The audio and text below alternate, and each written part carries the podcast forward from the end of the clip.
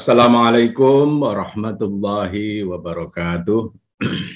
Saya akan membacakan pertanyaan Bapak As'ad Ramadan, eh, Karanganyar, Jawa Tengah. Ini pertanyaan ini pendek tetapi bagus juga ya. Eh, bagaimana sikap kita dalam menyelesaikan masalah dari sudut pandang Islam apabila di suatu masyarakat terjadi konflik di mana masyarakat tersebut dengan latar belakang agama dan budaya yang berbeda. Nah, ini betul-betul itulah yang kita alami di mana-mana, di, di mana-mana di Indonesia. Saya kira itu eh, day to day dari hari ke hari kita selalu berhadapan dengan seperti itu. Eh, bagaimana sikap kita menyelesaikan masalah, nah, itu saya kira. Nah, untuk menanggapi pertanyaan ini, saya kasih mukodimah juga dulu, bahwa catatan awal saya bahwa pertentangan, perbedaan, konflik dalam kehidupan adalah persoalan yang biasa sebetulnya eh, eh, day to day life ya. Itu dalam bahasa Arabnya min lawazimil hayah eh, ya begitulah kehidupan dalam masyarakat majemuk gitu. Asam garam kehidupan dalam masyarakat majemuk salah satunya adalah ya itu tadi ada sedikit pertikaian, ada berlomba-lomba untuk saling mengungguli gitu kan. Itu kan tidak bisa di apa dihindari. Eh, berbantah-bantahan Nah, puncaknya memang bisa gesekan atau konflik gitu. Ya jangankan di dalam masyarakat majemuk yang luas, di dalam kehidupan keluarga saja juga tidak bisa terlepas sama sekali dari masalah gesekan ya, perbedaan pendapat yang dipicu perbedaan selera dan kepentingan dari anggota sesama keluarga begitu. Namun demikian petunjuk ilahiyah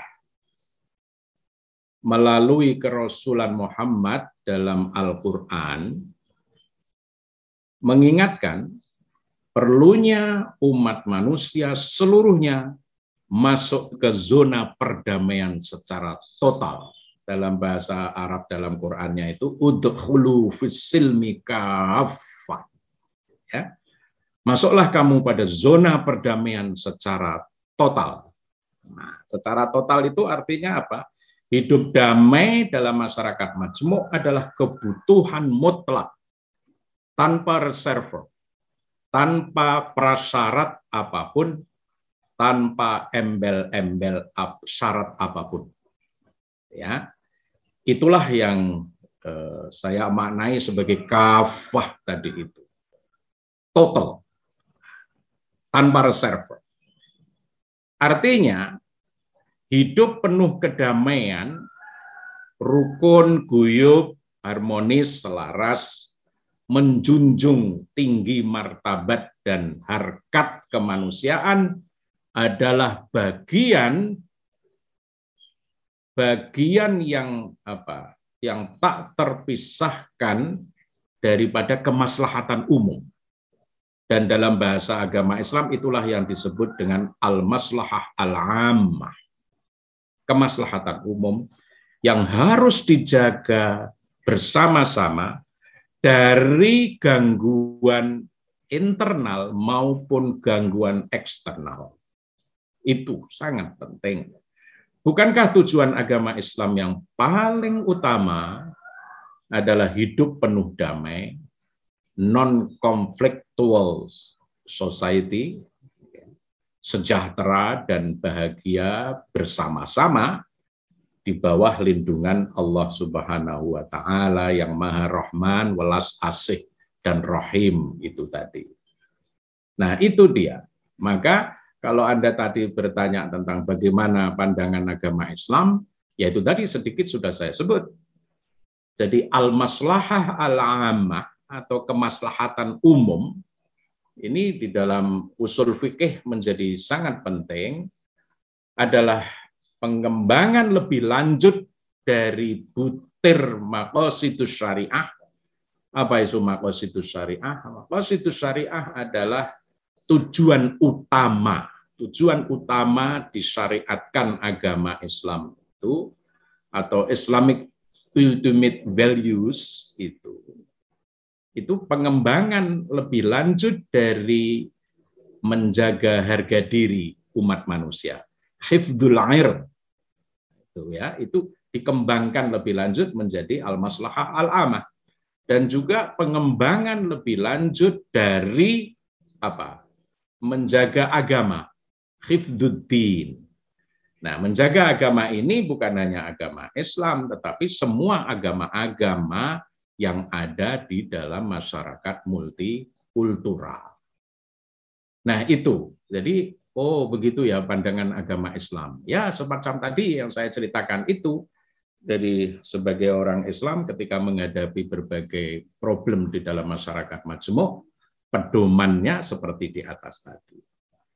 Jadi, yang perlu dan harus kita camkan bersama dan dijadikan pedoman dan peringatan adalah kita tahu kapan konflik dimulai, tetapi kita tidak tahu kapan konflik akan selesai.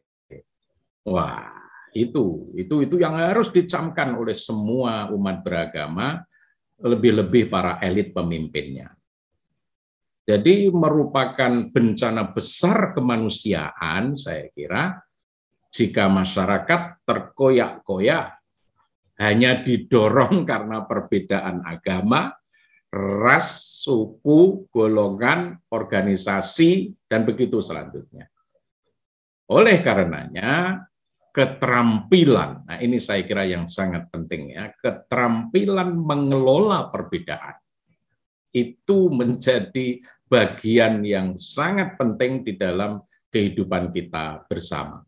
Conflict resolution, konflik manajemen itu menjadi keterampilan yang memang perlu dikuasai untuk meredam dan meminimalisir tumbuhnya konflik itu. Demikian saya kira. Terima kasih.